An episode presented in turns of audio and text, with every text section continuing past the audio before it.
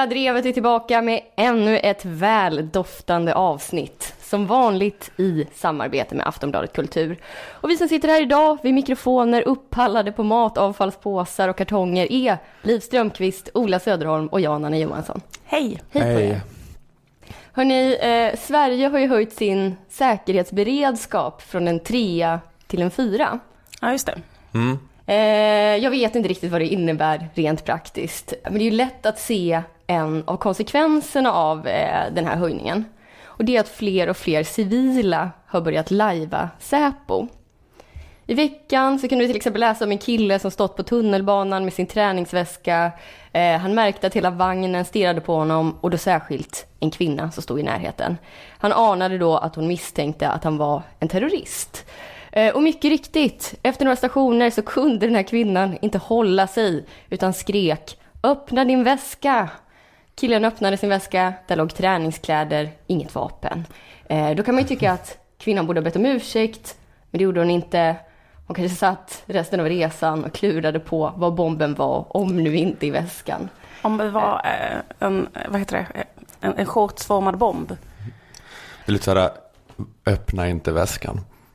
Nej, säg samtidigt, nej. jag kan också fatta att man blir helt så här, att det är helt sjukt att bli så misstänkliggjord som man bara vill typ visa, alltså Det är lätt att sitta och tänka så här vad, vad man skulle ha gjort i efterhand. Men det är svårt när det står en mobb och gallskrika öppna. Jag hade också gjort det. Ja, ifall, det stod, ifall hela tunnelbanan skrek det. Men, Men det men, men, som det, men det, kanske, är kanske det läskigaste med stämningen ändå. Att en ifall det är en galen rasistisk tant. Mm. En nedkissad dåre på pendeltåget som skriker det. Och man ändå känner att stämningen i samhället är så att det är bäst att lida nu. Eh, Det här är inte första gången så folk har gått bananas i sin privata terroristjakt. Eh, När säkerhetsberedskapen höjdes i Norge förra året så hände en liknande grej där. Eh, På, på en flygplats så drogs en annan ung kille av planet av en massa poliser, förhördes i en timme bara för att en medpassagerare hade fått ofeeling och pekat ut honom som terrorist på inga andra grunder än att de tyckte att han såg misstänkt ut. Eh, Och då fick med sig personalen och polisen på det här Det blir en sån, eh, sån sammanstämning där de paranoida dårarna helt plötsligt har blivit de som får sätta agendan. De lever sin glans, de har sin guldålder Ja, nu. Alla det enda som, de läser i tidningen är ju bara så här, du har rätt, din världsbild är korrekt. Och nu för You första go, gången så är Säpo så här, istället för att lägga på så är de så här, vi kommer. Mm. Och det, men det är kanske rätt förståeligt också att man vill, att man vill lajva Säpo. Eftersom att bara man ska gå in och kolla på någons öppna Facebook-profil så bedriver man ett mer sofistikerat underrättelsearbete än Säpo också. Så man förstår att galna tanter på tunnelbanan känner sig inspirerade liksom, i, i den konkurrensen. Ja, Att man bara kan peka och skrika på random människor med Mellanöstern-utseende. Men det jag skulle vilja, alltså jag tänker så här, eh, både riktiga polisen och de här hobbypoliserna vill ju gärna ägna sig åt rasprofilering. Eh, men riktiga polisen måste i alla fall låtsas som att de inte gör det. Eh, och det här tycker jag ska gälla för hobbypoliserna också. Nästa gång den här tanten vill kolla i en killes väska på tunnelbanan så tycker jag hon ska gå runt och fråga alla i vagnen. Öppna din väska, öppna din väska och så vidare. Eh, och nästa gång den kvinnan på planet vill peka ut en terrorist på inga andra grunder än att han är lite mörk så måste hon då gå fram till flygpersonalen och peka ut alla i planet.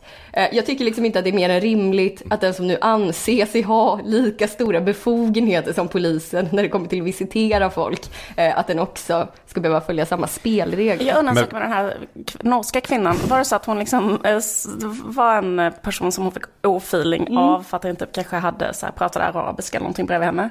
Och sen så Jag tror han var, att han var typ eh, latinamerikan. Okej, slappat ut honom för honom en timme. Var det sen så, okej det var inget. Fick han så gå på planet och sitta bredvid henne eh, hela en sån lång flygning?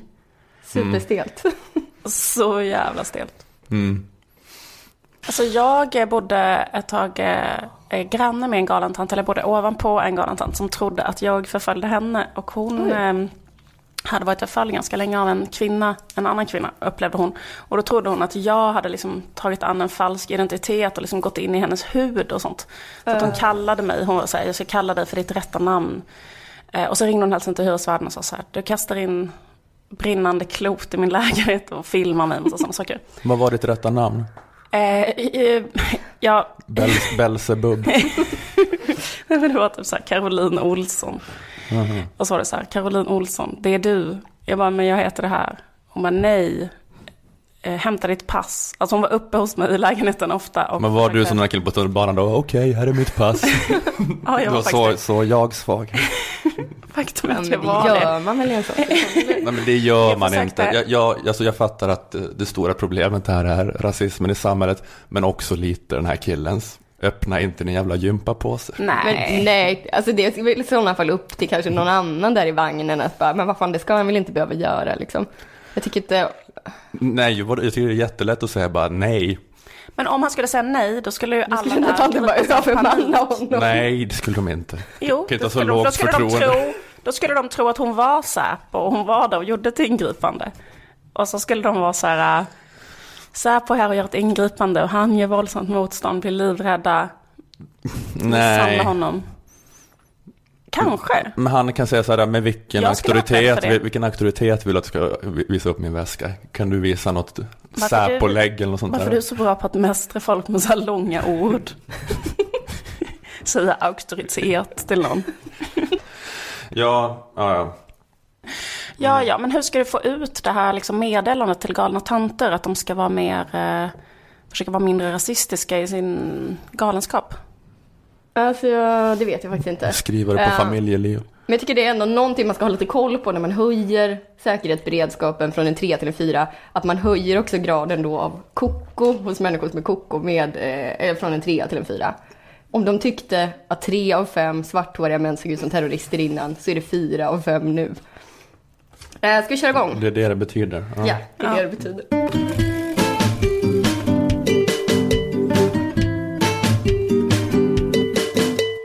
Veckans dominerande inrikespolitiska nyhet har ju varit eh, det här som presenterades i tisdags på en presskonferens med statsministern och Miljöpartiets språkrör.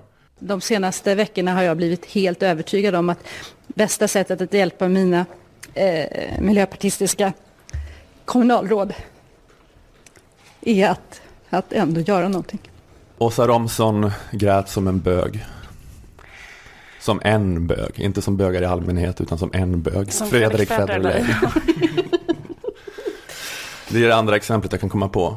Ja, just det, när han var tvungen att gå igenom, rösta igenom FRA. Ja, samma fenomen, rösta för något man högljutt argumenterat emot. Men ändå kanske vinna några sympatipoäng genom att vara gråtig när man gör det. Eh, men det gör då att regeringen har skärpt. Liksom högt spel av Åsa Romson ändå, för att hon har ju ändå den där grejen mot sig, att alla hatar henne vad hon än gör. Alltså det känns ju som att hon är, har väldigt, varit väldigt hatad.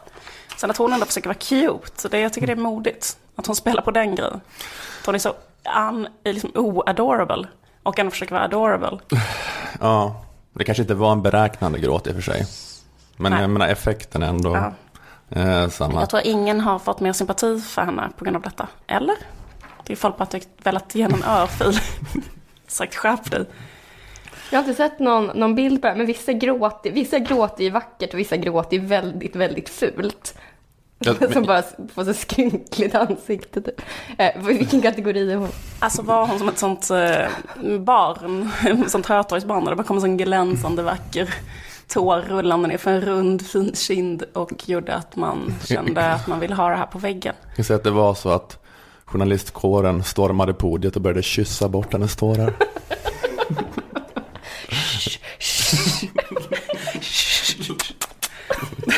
Killarna blev kåta, kvinnorna blev rasande av avundsjuka. Ja, nej men det var, hon grät nog, jag tror aldrig så att tårarna spruta. Det var det, var det där som hände liksom, att, att rösten brast. Okej, det var inga Lille Skutt. Eh, Det var ingen sån Helena Bergström och snorar och gallskrika. blir knullad av Rolf Lassgård. Gråt. Ja, precis. Åsa Romson grät så mycket under presskonferensen att i slutet av presskonferensen var hon gravid med Rolf Lassgårds barn. Så mycket grät hon. Ja, men det som har hänt är då att regeringen har skärpt asylreglerna eh, så mycket som det går utan att direkt bryta mot internationella avtal. Det är vad jag har hört. Eh, och anledningen då att kraftigt få ner antalet flyktingar. Det kom, har kommit typ 10 000 i veckan senaste tiden. Eh, kanske mest EU-ländernas fel. Att de andra EU-länderna inte har tagit in dem. Ja, precis. Kalla mig regeringstrogen satiriker och politik. jag kan lite grann köpa analysen, att det är mera fack EU och fack de andra länderna än fack regeringen. Och man kan ju tycka då att mm. regeringen hade kunnat börja med att sätta mer press på EU-länderna istället för att göra som de då. Skulle väl någon mm. mer Ja, de säkert, jag tror de har gjort det i 20 år ungefär. Men, ja, men de, har, typ de har gjort det på ett mesigt sätt. De har utsagt ifrån artigt bara tror jag. Ja, precis. Stefan, Stefan Löfven borde typ ha stått i tv och skrikit David Cameron, shame on you. Mm. Något sånt utspel hade man velat höra. Satans mördare hade mm. ska kunna stå och skrika. Men det finns väl vissa grejer de hade kunnat göra. Det finns, har funnits vissa förslag i alla fall. Att de hade kunnat liksom sluta betala EU-avgiften och börja ria mer som fan. Och så. Jo, sen så säga, var, var, var... Lite, lite mm. jävla namn. Mm. Ja, men att nu är det så liksom många till Sverige just, men att det kanske inte är så många till EU ifall det fördelats jämnt. Men det är ändå rätt lätt att tänka sig att det kommer bli en sån här situation ifall allting fuckar ur mer och mer. Att det ändå kommer komma så liksom extremt mycket människor till hela äh, EU som helhet också. Eh, och eh, liksom hur ska man göra med mottagande och så då? För att det som lyfts fram nu som motivet för att göra den här eh, nedskalningen det är att det inte går att kombinera det här stora mottagandet med ett värdigt mottagande. Stefan, Stefan Löfven säger att vi kan inte garantera välfärden på ett trovärdigt sätt om vi inte stramar upp nu. Det finns inte nog med tak över huvudet och sostanter och lärare och så vidare. Eh, och det kommer en del kritik om att det är fel fokus att känna att man måste garantera välfärden. Att man istället ska prioritera att ge människor en fristad, även om det är utan eh, välfärd. Istället för att skära i antalet mottagna personer, skär i pengarna som vi lägger ner per person. Eh, jag läste en Johan Norberg-krönika om det här. Han skrev så här. Eh, problemet är nämligen att om vi säger att alla som kommer hit måste ha våra löner och våra välfärdstjänster, ja då får nästan ingen något jobb till de här lönerna och ekonomin bågnar under trycket av välfärdstjänsterna. Och varje gång som välfärdsstatens bevarande hamnar i konflikt med människoliv väljer svenska politiker välfärdsstaten. Som Masej Saremba uttryckte det när Sverige en gång införde visumtvång mot bosnier mitt under brinnande krig. Sverige frågar inte vad för slags skydd flyktingen söker. Sverige bestämmer att han söker det dyraste. Vilket vi sedan bestämmer att vi inte kan ge. Johan Norberg är då liberal. Mm. Eh, han tycker eh, att ett bra sätt att kunna hantera flyktingströmmen är att kraftigt sänka välfärdsambitionerna. Vilket ju han tycker man ska göra i vilket fall som helst. Eh, det är bra det här med flyktingkrisen på så sätt att alla kan använda den som argument för det de mm. redan tyckte. Libertarianism eller världskommunism. Absolut. men, eh, men, det, ja, precis, men det finns ju en slags motsättning här då. Mm. Mellan välfärdsstat och fri invandring. Mm. Som kommer bestå fram tills med, världsmedborgarskapet och världskommunismen har segrat. Just det. Eller fram tills alla nationalstater är exakt lika rika. Precis, eller liksom att mm, nationalgränserna avskaffas eller någonting. Alltså så länge man mm. har nationalgränser mm. så mm. Ja, inom vilka de som bor där betalar skatt. Alltså, ja, ni fattar. Skit ja, men jag menar det, världsmedborgarskapet måste segra. Mm. Ja, men vi tycker ju att de som bor i Sverige eh, ska leva med den eh, samhällsservice som vi svenskar har. Eh, men vi har då inte råd att erbjuda det till alla som vill komma hit. Men det finns ganska många nivåer mellan att leva i Sverige med svensk samhällsservice och att leva i ett sönderfallande Syrien. Kanske då leva i Sverige utan svensk samhällsservice. Och vill vi förneka människor det? Man får ju en känsla av att det borde finnas liksom en nivå till där man det är ju rätt konstigt det här liksom att det är så automatiskt hela tiden. Att så här, när, när, vi ska skära i något till exempel så har de ju bara direkt tagit eh, helt utan och jag vet inte vilken diskussion som har föregått det. Men att man börjar med att ta från biståndet direkt så här, mm. för att finansiera asylsökande. Alltså varför tar man inte dem från, eh, de pengarna från eh, försvaret eller kungahuset eller de rika eller liksom något annat. Mm. Det är mm. konstigt tycker jag. Att det inte känns som det har funnits så mycket diskussion kring det. Och det måste ju finnas mycket sånt man hade kunnat ja. Eh, diskutera mer vad, vad man prioriterar gemensamt i samhället. Men jag menar att allt är så här mikro och makronivå och sådär. Att vad de har gjort nu och hur de har prioriterat det kan man säkert hålla på och diskutera i oändliga. Men jag menar bara och eh, huruvida vad Sverige har tagit för ansvar och vad EU borde ha tagit för ansvar. Alltså som situationen är nu. Men att det finns någon så här större nivå ja. med de här stora, stora folkrörelserna. Hur ska man liksom förhålla sig till dem. Precis, för det är ju mm. många som, eller det är mycket som tyder på att de här folkrörelserna kommer liksom öka och öka, öka på grund av så klimathotet och att liksom enorma mängder människor kommer att tvungna att migrera mm. så här, inom kanske ganska, mm. jag vet inte, inom när, Ola, frågar jag dig. Eh, Lilla Drevets klimatexpert. När kommer klimatflyktingar på riktigt att börja? Alltså, för de här är också, kan ju på ett de sätt... kommer nu, de kommer nu. Panik. Ja, men när kommer det här övärld... Uh, skit dem. Ja, ja, nej men När eh, kommer de från Tuvalu hit? jag tror inte att de kommer hit. De kommer bara ligga och plaska. Men alla de där örikena som sjunker nu, de försöker ju evakuera sig till Australien. Men Australien är typ krigsskepp ute och bara Mm. Alltså, släpper inte om på så jävla Fy fan. Men där hade man kunnat börja med Australien, att inte låta dem vara med i Eurovision till exempel som straff. jag tycker inget hade kunnat ta så hårt. Jag tycker vi hade kunnat säga Stefan. Löfven säger and we will give zero points to the Australian bidrag in Nu the next är det Eurovision. ju Sverige som ska hålla den där jävla pisstävlingen. Då kan vi väl liksom utöva vår Ja, makt och säga så här, ni får inte sätta er fot, vi ska skicka ett jävla krigsskepp efter er. Mm. På grund av vad ni gör mot de här människorna på Tuvalu. Vi ska kalla hem alla ABBA-coverband som turnerar i Australien. Det är förbjudet att uh, klä ut sig till Agneta Fältskog. Men också så här, äh, om man ska släppa in folk utan service eller så, här, så att säga samhällsservice. Så här ska man ha då 200 000 syrier som lever typ som de romska EU-migranterna. Ja, just det. Ha någon sån konstig klassapartheid eller Menar säga. Norberg att det skulle vara just de nyanlända som inte skulle få till exempel skola och sjukvård och så? Eller skulle liksom det jämnas ut på alla? Eller skulle det vara så här, om du är nyanländ så får du 10 kronor i timmen?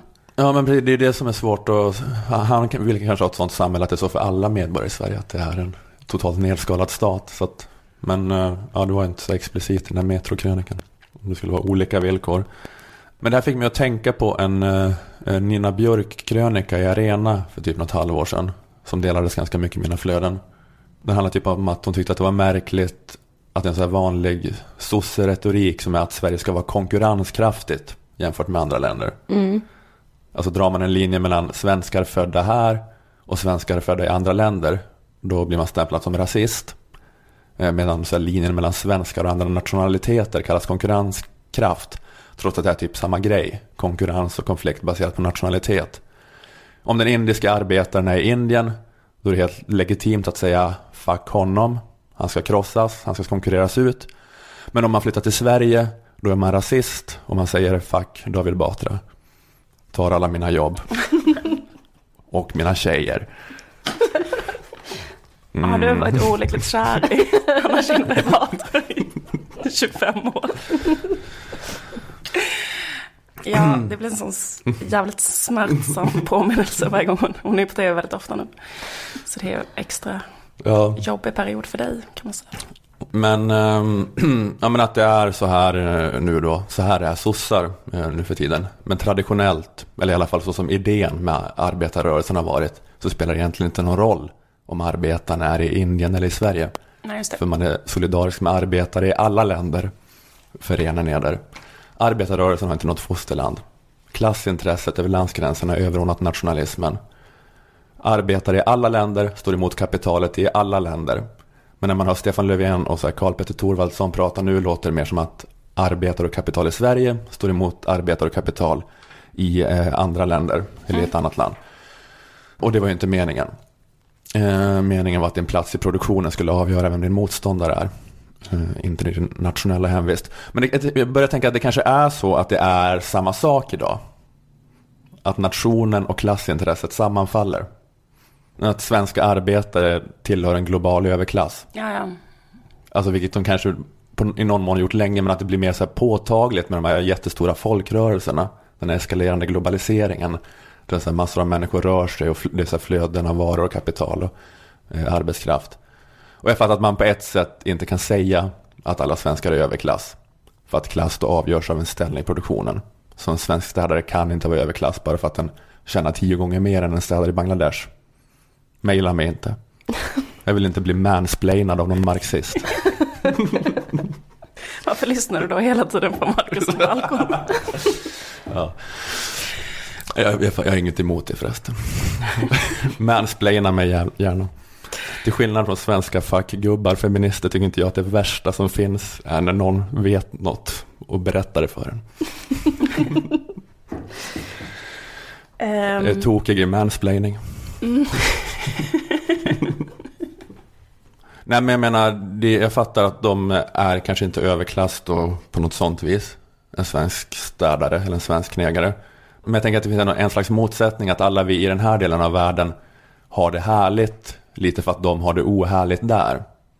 Att svenska knegare så kan konsumera mycket mer grejer till ett billigare pris tack vare global ojämlikhet. Mm. Vi har billig tillgång till hela världens råvaror och arbetskraft för att vi är värda så mycket mer. För pengarna en svensk arbetare tjänar på en timme kan hen köpa det en arbetare i Bangladesh producerar på tio timmar. Så svenska arbetare har ju ändå då ett materiellt intresse av att vara nationalister. Att den här utsugningen ska fortsätta. Ja. Mm. Att det inte ska bli så att allas arbetstid över hela världen är värd lika mycket. Så liksom vår så starka ekonomi och välfärd skapas att vi har den här billiga tillgången till alla bengaler och sånt. All, och alla världens råvaror. Men de människorna får inte komma hit och dela på välståndet. Mm. Så, så, så, det, så det sossar gör när de talar om att värna Sverige, till exempel genom att stoppa det inflödet av människor från Mellanöstern. Eh, Eller de säger att de vill värna Sverige, men det är inte för att de är nationalister. Det är bara för att de värnar sitt klassintresse. Klassintresset Sverige, vårt intresse som en del av den globala överklassen. Så det är ju fortfarande klasskamp västvärldens arbetarrörelse står för. Klass mot klass. Fast det är överklass mot underklass. Eh, Överklass i alla EU-länder. Förena er mot mm. underklassen. Man kan väl fortfarande ta striden både uppåt och neråt. Men när man håller på att prata om konkurrenskraft och värna välfärden kanske det är nästan, ja det är väl både och, men det är också att man tar striden neråt nu. Både mot kapitalet, uppåt mot kapitalet i sitt eget land och neråt. Lite så blir det ju i praktiken. Jag vet inte vad som är rätt eller fel, men det är ändå... jag tycker det låter fel. Ja, precis. Men, eh, men, men att det här värnandet kanske ändå har en poäng då för att det finns ändå en fiende ovanför en. Som också då kanske vinner allt på köpet. Om man inte värnar, men då pissar man också neråt. Ja, jag vet inte. Men, eh, ja, men precis, men det är bara att ja, men de värnar sitt klassintresse som en del av den globala överklassen. De kan ju fortfarande demonstrera på första maj. Bara andra plakat, eller hur? Få byta ut internationell solidaritet, arbetarklassens kampenhet, krossa kapitalet Kanske istället ta plakat där det står Har syrierna inget bröd? Men låt dem då äta kakor.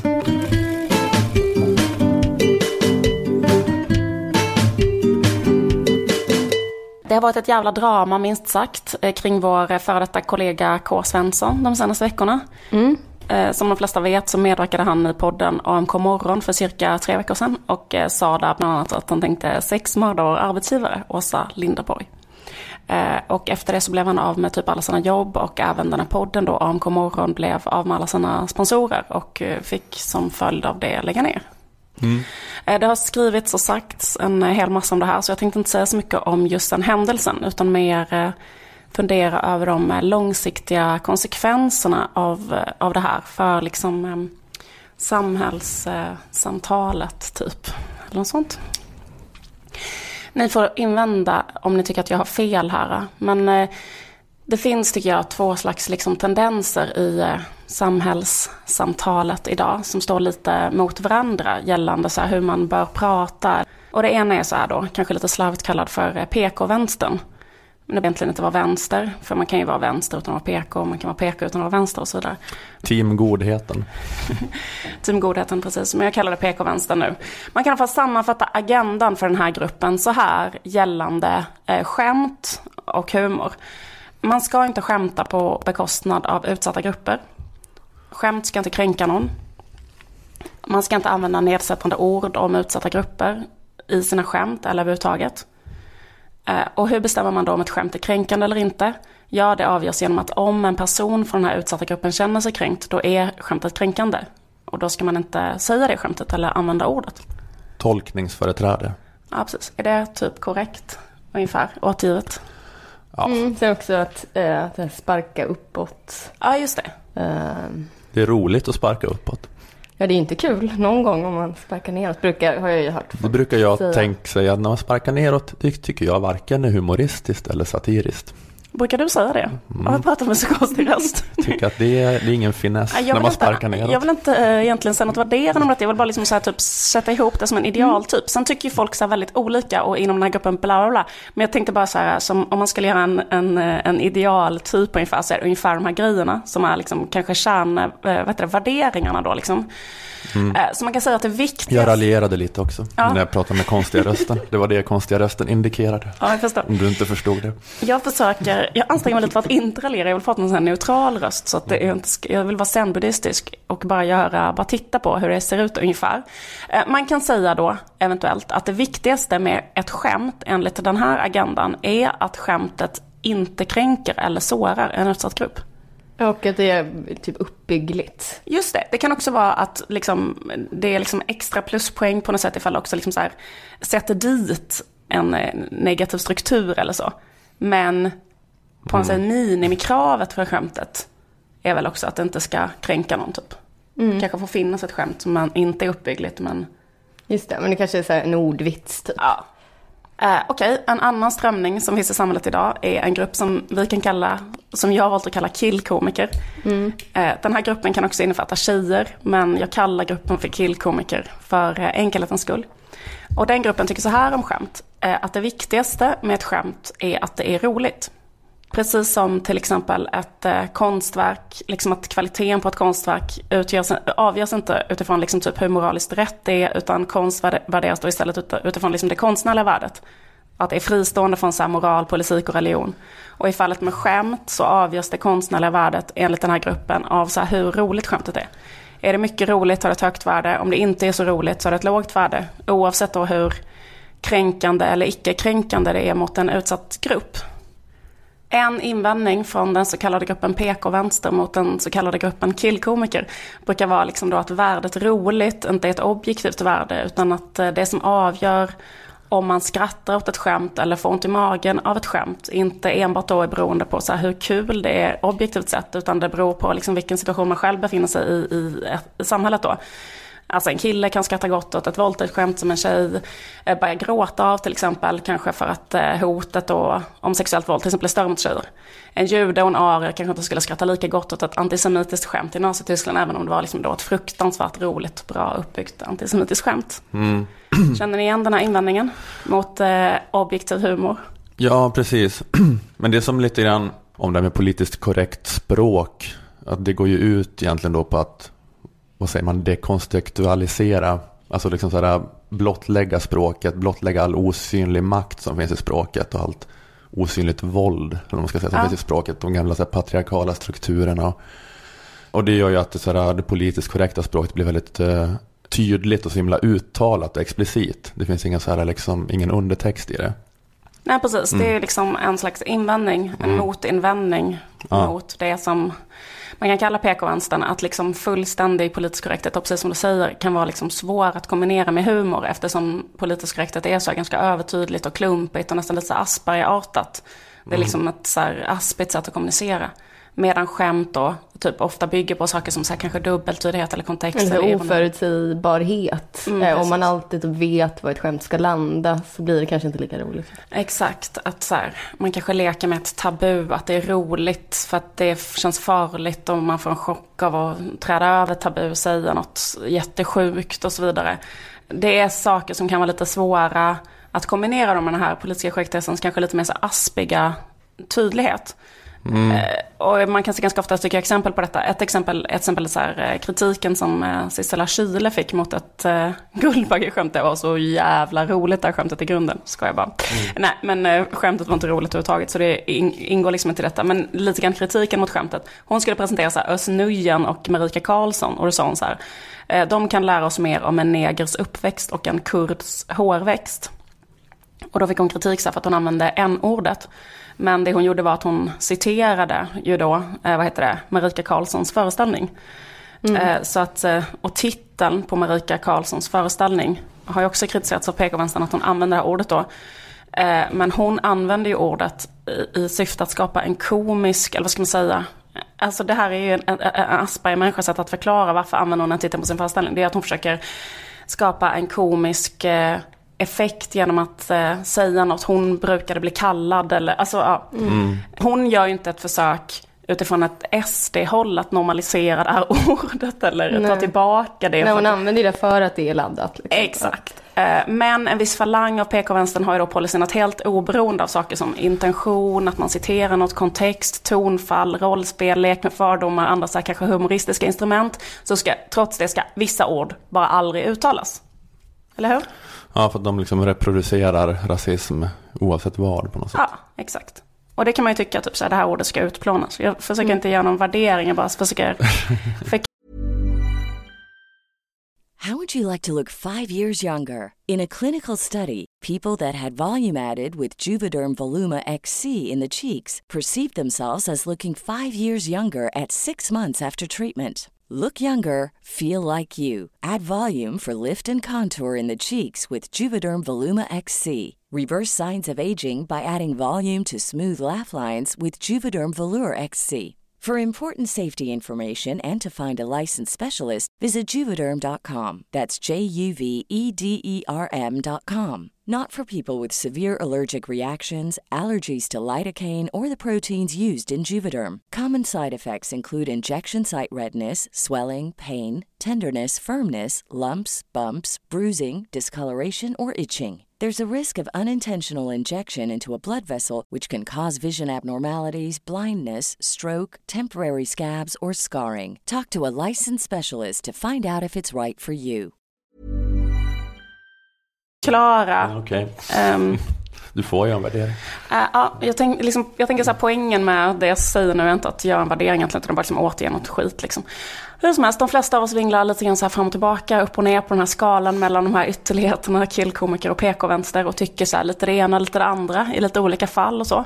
Eh, men vissa andra är ju mycket mer så här benhårda och vill liksom så här driva på agendan, driva på samhällsklimatet i sin egen riktning och känner så att samhället hade blivit mycket, mycket bättre om det var mer PK-stämning i humor och skämt och allmän ton.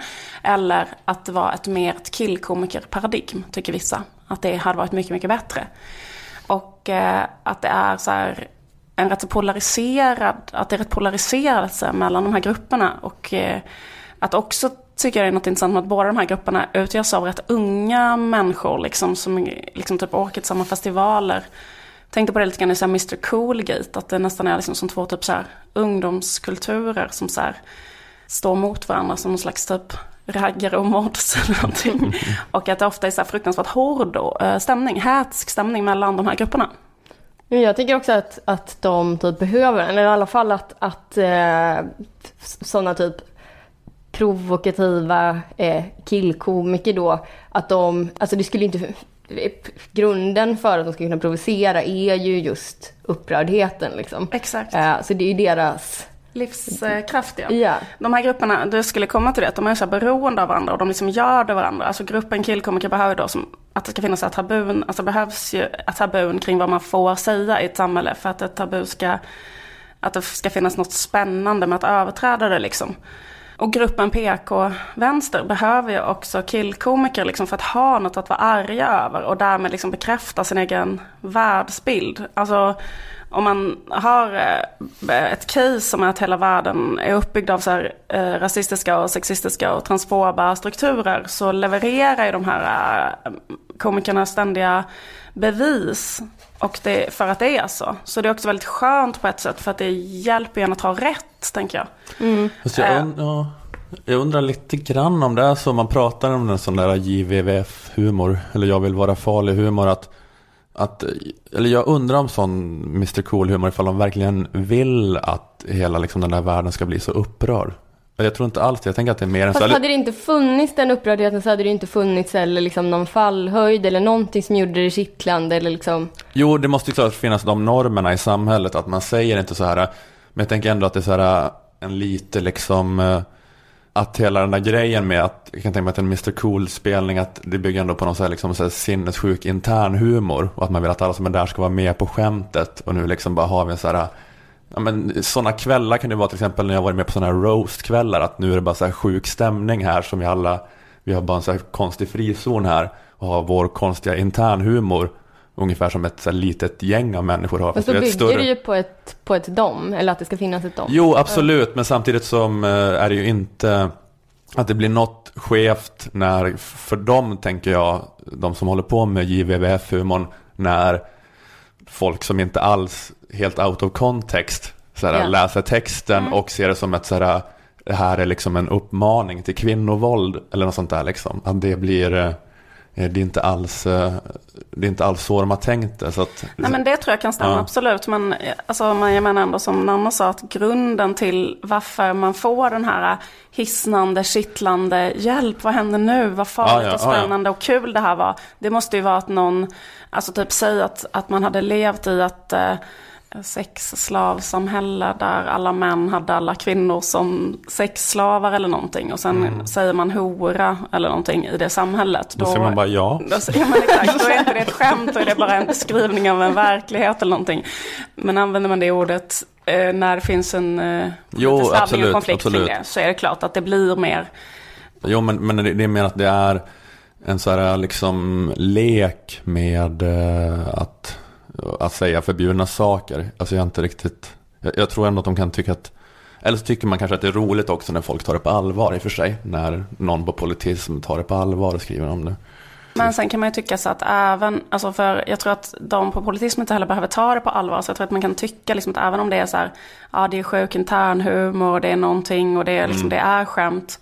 Men liksom att skit i om det är skämt eller inte, utan utifrån den här PK-vänster eh, vad heter det, synen på det så kan man ju ändå se det som att så här, oavsett om det är liksom ett skämt eller en kontext eller whatever så reproducerar man. Alltså Eh. precis, om man, hoppar, om man hoppar på Marika Karlsson för en negers uppväxt så kommer man ju inte så här orka hålla på och bry sig om kontexten här heller. Eh, ja men också att man kanske tycker så här liksom att varför ska det vara, alltså att, att de ehm, Alltså de, eh, att leka med den typen av chockhumor eller så här att sparka neråt eller så. Att det är liksom att man gör det också för att man är då, vad ska man säga, outbildad eller i empati också. Eller att man inte så kan förstå, eller att den humorn då görs av människor som inte kan se saker från något annat eh, perspektiv än sitt eget. Och att, eh, ja, typ. Ja, det är fullt möjligt att tycka det ändå. Ja. även om de, ja. Exakt. Eh, Så jag behöver liksom, ja, jag bara beskriva den här situationen. Hur som helst så funderade jag lite på hur då K. Svensson-gate har påverkat det här kulturkriget, om vi ska kalla det så. Lilla minikriget i kulturen. Men får jag bara flika in en grej? Att jag tycker att det är liksom väldigt stor skillnad på typ när han har typ suttit och skämtat i vår podd. Även om så här vissa grejer typ har varit som man själv typ har tyckt var osmakligt och så, så har det ändå varit skämt. Jag tyckte inte den här grejen nu när han var med där och satt och skrek, det var ju liksom inte skämt, det var att han var genuint arg. Alltså det var någonting annat liksom. Ja men det tänkte jag, jag tänkte också precis säga att det är eh, det, är det som jag tror ändå så här gör att det inte har något att göra med till exempel Mr. Cools universum. Nej. Att det, så här, alltså det var ju inte på riktigt såklart att han planerade att göra de här eh, sakerna han sa. Eh, men det var ju på riktigt att han var så arg. Eh, och att, att, han, att han kände sig så här, att det var rättfärdig vrede. Och det gör ju att Ja men precis, att det är något annat än bara det här liksom leken med tabun. Ja, eller jag man inte så här, är jag har typ Ja. inga problem med att så här, typ försvara så här, skämt som jag, även om jag tycker typ att de är så här över gränsen och kanske så här helt, ja jag vet inte. Men, ja, men just när det är så här, eh, det där var verkligen någonting annat. Liksom. Ja men absolut, och det kommer jag att eh, komma till. Det var bra att du sa det, men jag menar, det inte, jag menar inte att, eh, att det var skämt alls. För jag uppfattar inte heller att det var skämt, det som hände i den där eh, studion. Det här var bara eh, bakgrunden till typ så här hur... Däremot så är det många som har kopplat ihop den grejen med att han också typ har suttit och, och så här, eh, dragit skämt som typ eh, många då har tyckt liksom varit osmakliga och så. Men det tycker jag är, är faktiskt två helt olika saker. Håller med om det. Eh, Ja precis, för det var ju liksom om det här hade varit skämt i den här studion, men det var ju inte alls skämt. Fast däremot, däremot kan man ju säga att, eh, ja, ja precis, Nej, men det, det var jättebra att vi klargjorde det, för det tycker inte jag heller. Mm. Eh, Men jag tänkte bara fundera, fundera ändå på hur det här är då, hur, hur den här grejen som hände i AMK morgonstudion har påverkat det här kulturkriget. Utan att göra några som helst eh, jämförelser i övrigt så tänkte jag lite grann på liksom en egen erfarenhet, nämligen eh, hur det var att vara feminist i Sverige för typ så här, kanske 10-15 år sedan. Och eh, jag vet inte, det, kan, säkert som ibland kan vara svårt att komma ihåg det ens en gång idag. Men att eh, det var liksom ett väldigt så här, annorlunda samhällsklimat så här, innan feminismen slog igenom så här brett. Att ministrar började kalla sig feminister och så. Jag vet inte om du också har den här erfarenheten Nanna, men att det fanns liksom en allmän, ganska allmän uppfattning som typ alla, alla, alla tyckte. Alltså om man sa typ att man var feminist så var det som att det var, det var liksom en jättestor grej och det var så här eh, extremt eh, liksom omgärdat med fruktansvärt mycket fördomar. Typ att det var så här, feminister är fula och Ja. eh, det är för att de är fula som de inte har någon kille och det är för att de inte har någon kille som de hatar män och därför vill de döda män. Och det var liksom, Ja men hela det här, jag blev ju typ, eh, jag var ju typ tonåring tror jag, när hela här könskriget, eh, grejen och så. Eh, Men då var det ju också, ja precis, då kunde man ju känna, då kunde man känna den här svindlande, får man göra så här känslan av typ att, att säga typ ett sammanhang, så här, jag är feminist. Det var Absolut. så fruktansvärt provocerande. Ja, verkligen. Eh, Det var ju liksom, alltså det finns ju fortfarande grupper i samhället idag som tycker den här grejen där att kvinnor som är feminister är, vad heter det, att det inte att de har fått knulla tillräckligt mycket och sådär. Men då var det liksom mainstream att tycka så. Alltså jag kommer ihåg på, på skolan så tyckte liksom alla på min skola tyckte det och lärarna tyckte det och typ sådär. Det var liksom normalt innan då typ fittstim och innan underrösta täcket och sådär. Och eh, och jag kommer ihåg, liksom, eh, som man gjorde då hela tiden när man var feminist, var liksom att man fick så börja varje mening så här. Typ. Alltså jag hatar inte män, så här, men jag tycker ändå att män och kvinnor ska ha lika lön. Alltså att man började från botten av någon slags grop hela tiden. Så här, jag är helt normal, sminkad, jag har en kjol, jag har en pojkvän, men jag tycker ändå att kvinnors handel ska sluta. Eller. Man började liksom i en uppförsbacke, det fanns starka förutfattade meningar om en. Det var det jag skulle försöka förklara bara. Och eh, återigen så är det ju fortfarande så att vara feminist, men inte lika mycket som det var då. Då var det så jävla mycket så. Och i den här situationen, ungefär i mitten av 2000-talet, så hade det liksom precis börjat att gå pyttelite bättre kanske för feminismen. Man hade börjat känna att det är lite medvind, nu händer det. Men då inträffade plötsligt en helt så här, enorm backlash, nämligen att så här, Dokument inifrån skulle granska feminismen och gjorde en intervju med ROKs ordförande, alltså det är ju en förening som eh, är Riksorganisationen för kvinnojourer. Eh, ord, eh, den dåvarande ordföranden Irene von Waschenfeldt, eh, ni minns säkert det här. Eh, från att man då kände att det precis hade blivit lite mindre stigmatiserat att vara feminist så blev hon inspelad på band när hon försvarade en positiv recension av skummanifestet som de hade haft i sin tidning. Men i, den, i eran tidning Ja, så, så har de hyllar ni det. här manifestet som Ja. säger att, Ja. det, att, man, att män är djur och maskiner och vandrande Mm. dildos. Ja, Står du för det? ja, det står jag för. Män är djur. Män är djur. Tycker inte du? Tycker inte du det? Ja, och när det här hände eh, och när det sändes så var det liksom en enorm grupp människor i Sverige som kollade på varandra och sa så här, det var det här vi visste om feminister hela tiden, nämligen att de hatar män och tycker att män är djur. Och jag tänker att det måste ha varit exakt samma situation nu för kategorin killkomiker i Sverige. När K. Svensson sa de här grejerna i AMK morgon så kollade en stor grupp människor på varandra och bara, det var det här vi visste om killkomiker hela tiden. Nämligen att det de egentligen vill med det här, det är att sexmörda Åsa Linderborg. Eh, de kanske har hållit på att snacka om humor och skämt och men av barn och alkoholister får man reda på sanningen, nämligen att killkomiker vill egentligen, det de vill med sitt artisteri det är att sexmörda kvinnor. Och slash eller skratta åt att sexmörda kvinnor. Eller vara så tysta enablers åt människor som planerar att sexmörda kvinnor. Mm. Och jag tänker att många killkomiker kanske har haft den här uppförsbacken redan innan det här hände. Att när de säger att de är killkomiker så tror folk från början att de är så här clueless och fula transfober. De kanske har kämpat på i den här motvinden, men kanske på sista tiden känt lite medvind. För att folk har varit så hjärtligt trötta på deras motståndars sida, alltså PK-vänstern. Så de kanske precis har börjat känna lite så här, åh vilken frisk luft, vad härligt. Vi vädrar ut in i det här rummet med det här PK-låga taket. Det är inte så stigmatiserande längre att säga att jag är killkomiker eller att jag har en killpodd. Och så blir de fartblinda direkt. Då kommer K. Svensson och bara går i Ren von Waschenfeldt på hela bygget så att det bara exploderar i en sån monumental granatexplosion och dödar allt inom mils omkrets. Ingen jämförelse i övrigt såklart mellan de här två händelserna. Förutom kanske lite vad som hände efteråt, eh, alltså det är helt olika situationer. Men det som hände med Män i djurgate, det var ju att Irene von Waschenfeldt fick avgå som ROKs ordförande. En tredjedel av ROKs medlemskårer lades ner. Professorn Eva Lundgren, som också outades som galning i det här programmet, fick sina anslag nedskurna. Så hon kunde ta doktorander och hon kunde inte delta på olika symposium. Och samma sak har ju hänt i communityt runt killkomiker, att man tar bort alla bidrag och försöker slå ner och utplåna den här osunda manspoddkulturen som har liksom Plastklubben eller vad man växt fram den här. Och att jag tänker att det kommer vara jättesvårt nu Att vara killkomiker och ha en killpodd där man vill kunna säga hora som då en slags ironisk lek med tabun och så vidare. För att alla kommer bara vara så här, bli typ rädda och backa ut ur rummet. Mm.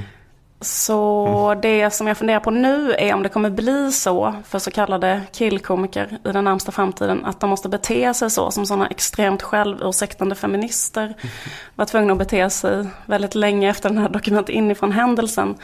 Nämligen att man måste liksom börja allting med att säga Ja, alltså jag är inte alls en sån rabiat killkomiker som vill sexmörda Åsa Linderborg, utan jag var liksom en helt vanlig killkomiker. Jag, tycker, mm, jag tycker faktiskt att man kan få skriva fitta ibland på Twitter. Ja men, eh, att det är så roligt. Men jag är så roligt kittlande politiskt inkorrekt. Jag är inte en så här Hagamannen inkorrekt komiker som man är rädd för på riktigt. Utan jag är så här snygg och rolig killkomiker. Det är det liksom det här uh, AMK Morgonpodden åstadkom nu, att det är inga vattentäta skott mellan Hagamannen och killkomiker längre. Den gränsen har blivit helt blurrad. det, det finns ingen... Det är liksom så här otydligt vart den gränsen går. Mm. Jag tänker att killkomiker kommer behöva ha sådana kampanjer. Sådana kampanjer med jättelåga krav. Som när feminister, kommer ni ihåg att feminister var tvungna att ha en kampanj som hette Vägra kallas hora-kampanjen. Tycker jag är en väldigt liksom, modest kampanj. Det är inte så här halva makten hela lönen. Utan det är så här, vi skitsamma vi får mindre lön än er. Men snälla kalla oss bara inte också hora under Ja. tiden. Vi får mindre lön. Och nu kommer killkomiker ha sådana kampanjer som heter Vägra kallas killkomiker med citattecken runt komiker. Ja, just det. Den vidriga, vidriga härskarteknik. Eller bara, snälla kan vi inte få säga åtminstone hora? Exakt, de kommer att säga våga kallas hora. Det är lite mer Slampa då. Kampanjen Slampa då. Nattfjäril. nattfjäril? Frågetecken. Kampanjen Snälla får vi säga nattfjäril. På sikt kan man ha en lite mer offensiv kampanj som kanske heter då, då eh, den här våga, våga kalla någon hora. Kanske, kanske killkomiker kommer, kommer kunna börja med om sex månader eller någonting.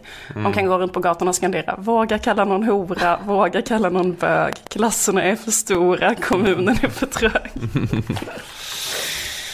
Ehm, men jag tror ändå att det liksom kommer gå bra för den här rörelsen. Jag tror att den kommer repa sig. Eh, Men, och det säger jag utan någon värdering, det säger jag sen buddhistiskt, det är bara att jag tror att det kommer bli så.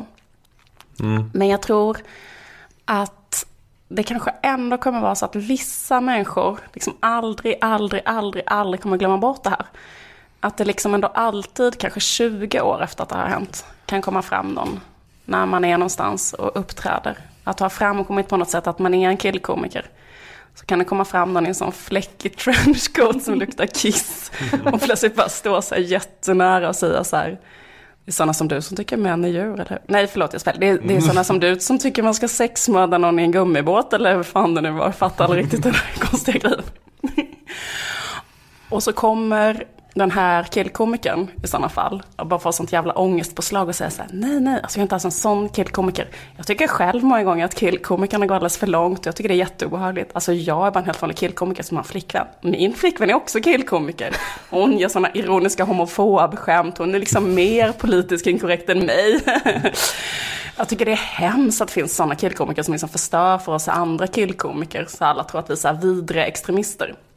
Och då kommer den här människan i trenchcoat som luktar kiss och plötsligt blir lite så här vänligt inställd och bara Ja, det var ju skönt att höra att det inte är så rabiat. Det är ju riktigt attraktivt för att vara killkomiker. Det brukar ju inte ni vara. Men just du, konstigt nog. Du kanske skulle vilja sätta en yxa i min fitta om du förstår vad jag menar. Och då kommer den här killkomikern bara, alltså det är inget fel på dig alls, gärna, gärna en annan gång, men jag har faktiskt en flickvän. Och så kommer den här trenchcoat-människan bara, men jag trodde inte att ni killkomiker brydde er om sånt. Jag trodde att ni var så här free love och bara åkte runt på knullturnéer och satte på olika hårfrisörskor och utvecklingsstörda som blivit bussade till era shower från ett servicehem på landsbygden. Så trodde jag att killkomiker var. Killkomikern blir livrädd, försöker ta sig därifrån. Eh, så kommer det vara. Alltså helt okej, men också lite vidrigt ibland. Sen så kommer det bli så att så här, statsministern börjar kalla sig killkomiker. Precis. Men det, är- det, är ett, mainstream. det är ett jävla skämt för det är bara ett ord. Han har liksom ingen politik bakom det. Nej, precis. Men uh, jag är nyfiken på vad liksom den här analogin med nedkissad trenchcoat bottnar i.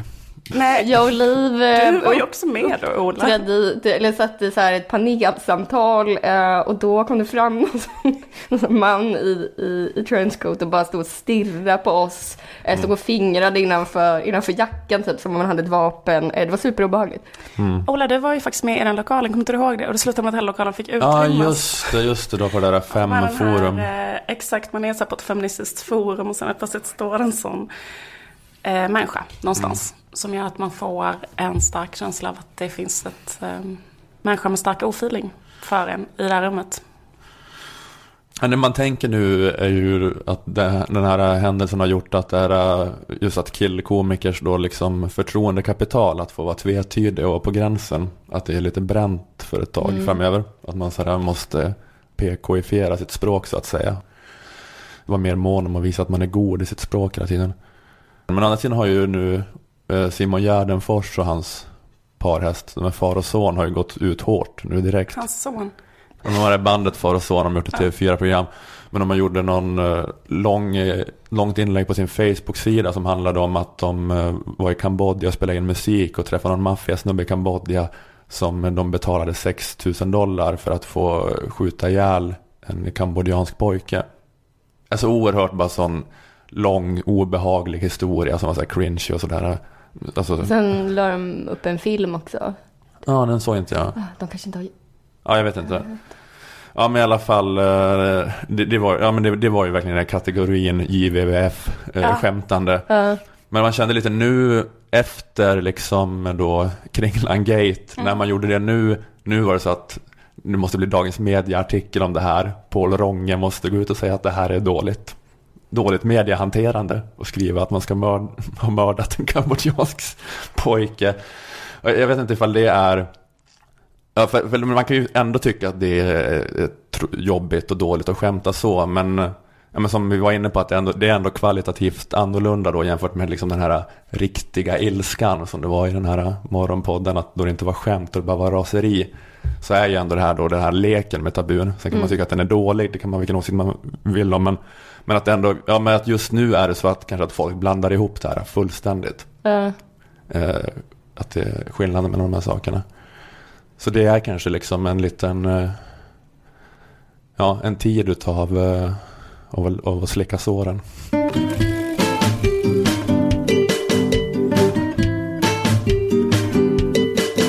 Det är ju inne nu då med signalpolitik som ska avskräcka folk från att söka sig till Sverige. Mm. Som vi var inne på tidigare i programmet också.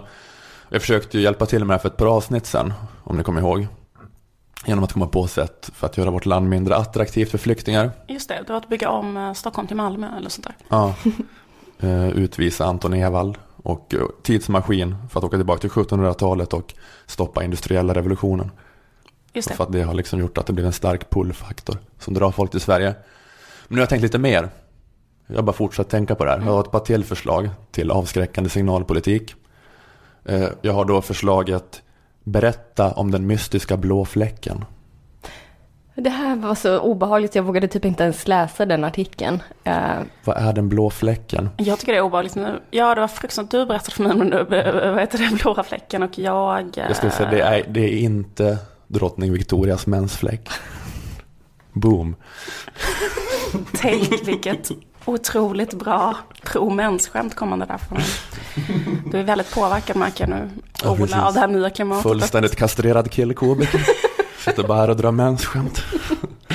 Men eh, jo, det var, jo, det var en nyhet i DN om en mystisk blå fläck söder om Grönland. Mm.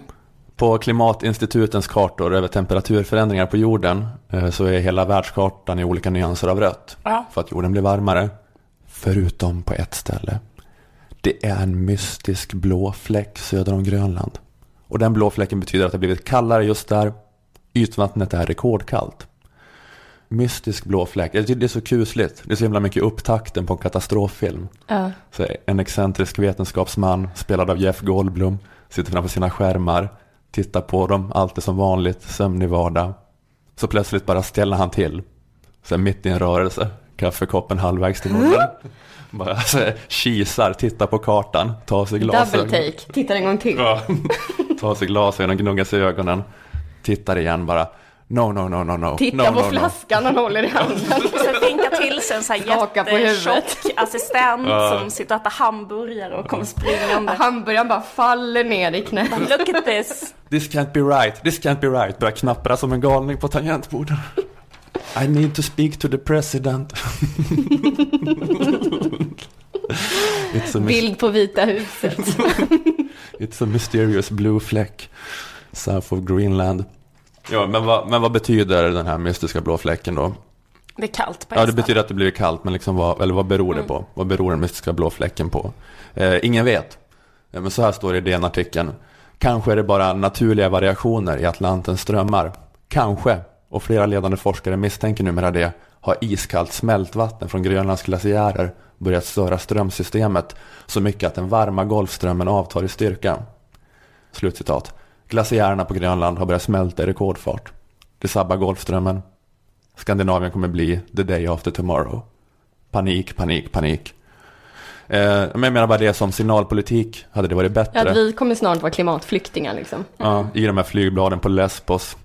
Inte det här liksom SDs We have no welfare left eller vad de har skrivit för någonting. Utan bara berätta om den kusliga blå fläcken. Ja, precis. Vi borde ge liksom tillfälliga uppehållstillstånd till oss själva. För att vi kommer också behöva liksom så här hitta något annat ganska snart.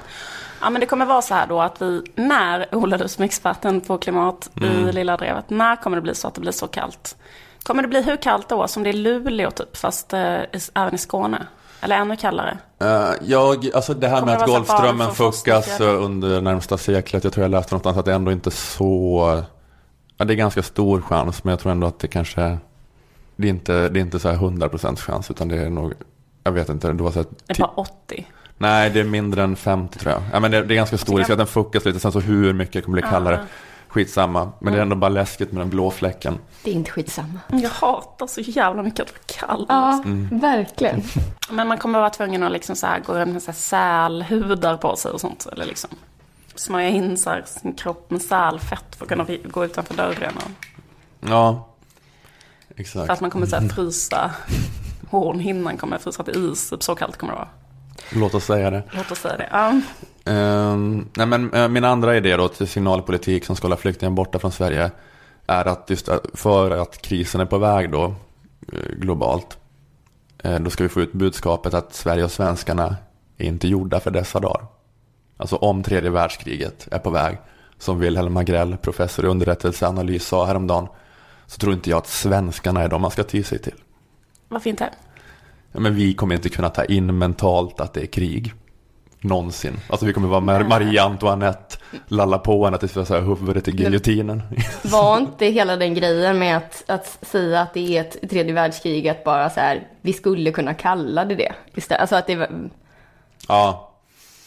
Jo, det är lite, det är inte lika illa som andra om, världskriget. nej, om, vi inte, om vi inte tittar på hur krig har sett ut förut så skulle vi kunna kalla det här ett världskrig. Var inte Om vi, det typ upp, om vi hittar på ett nytt betydelse till ordet krig så Ja. kan vi kalla det.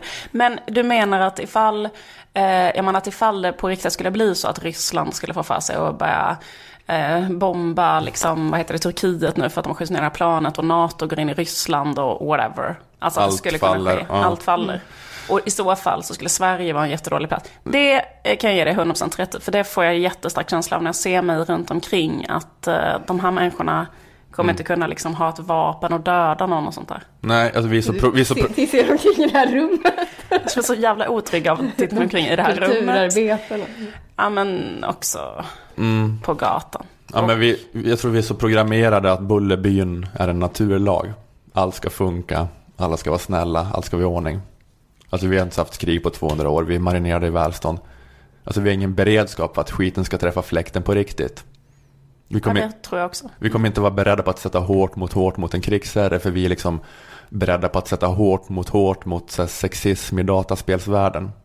Alltså det är sådana krusningar som liksom är de värsta vi kan tänka oss. Är det feminismens fel menar du? Detta land av velourmän Feminismen kommer har- liksom, kommer inte ha en chans när IS kommer. Nej, exakt. Typ Feminismen har alltså förstört, förstört um, försvarskapaciteten i Sverige helt och hållet. Nej men precis, vi är inte alls redo för, för allas krig mot alla om den sista bensinen. Och det här är ju en gammal eh, sanning och spaning. De bortklemade svenskarna, världens mesigaste folk. Men i tillägg till att etniska svenskar är mesar så har ju vi haft en liksom relativt sett väldigt stor asylinvandring jämfört med andra länder under de senaste decennierna. Så vi, vi har ju också fått hit alla världens fegisar. Bra, Det är de som söker asyl, de som är för fega för att stanna och slåss. just det. Så har det ju varit. På 70-talet, alla chilenska fegisar. Sen bara fortsatt. Iranska fegisar, kurdiska fegisar, juggefegisar, somaliska fegisar, syriska fegisar. Som koncentration av fegisar här. Världens fegaste folk påfyllt med ännu fler fegisar. Vi är så otroligt dålig liksom, ett dåligt parti att välja vid en säkerhetspolitisk kris tror jag.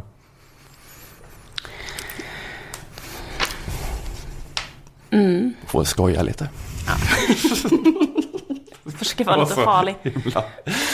Precis. Treva mig fram i JVVF bort Postkringlan Gate. Nu- nu- Så en Exakt. isande tystnad här. Exakt, vi skrattar inte åt det här. Men eh, det kanske någon annan gör som lyssnar. Vi kan alltid hoppas. Ja, ja, men så det är mina två förslag för hur man ska minska Sveriges pullfaktor, dragningskraft. Sprid ut budskapet om att det är en mystisk blåfläck söder om Grönland och svenskarna är inget att hålla i när åskan går. Men varför ska vi skicka ut signalpolitik att de inte ska komma hit? Är det för att du är rasist? När du förstår det jag gör, att jag säger ironiskt hjälper till.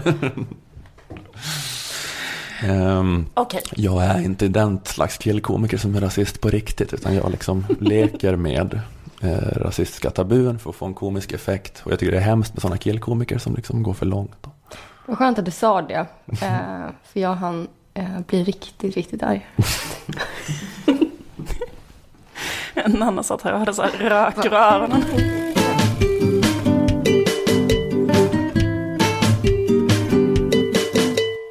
Eh, det var det för idag.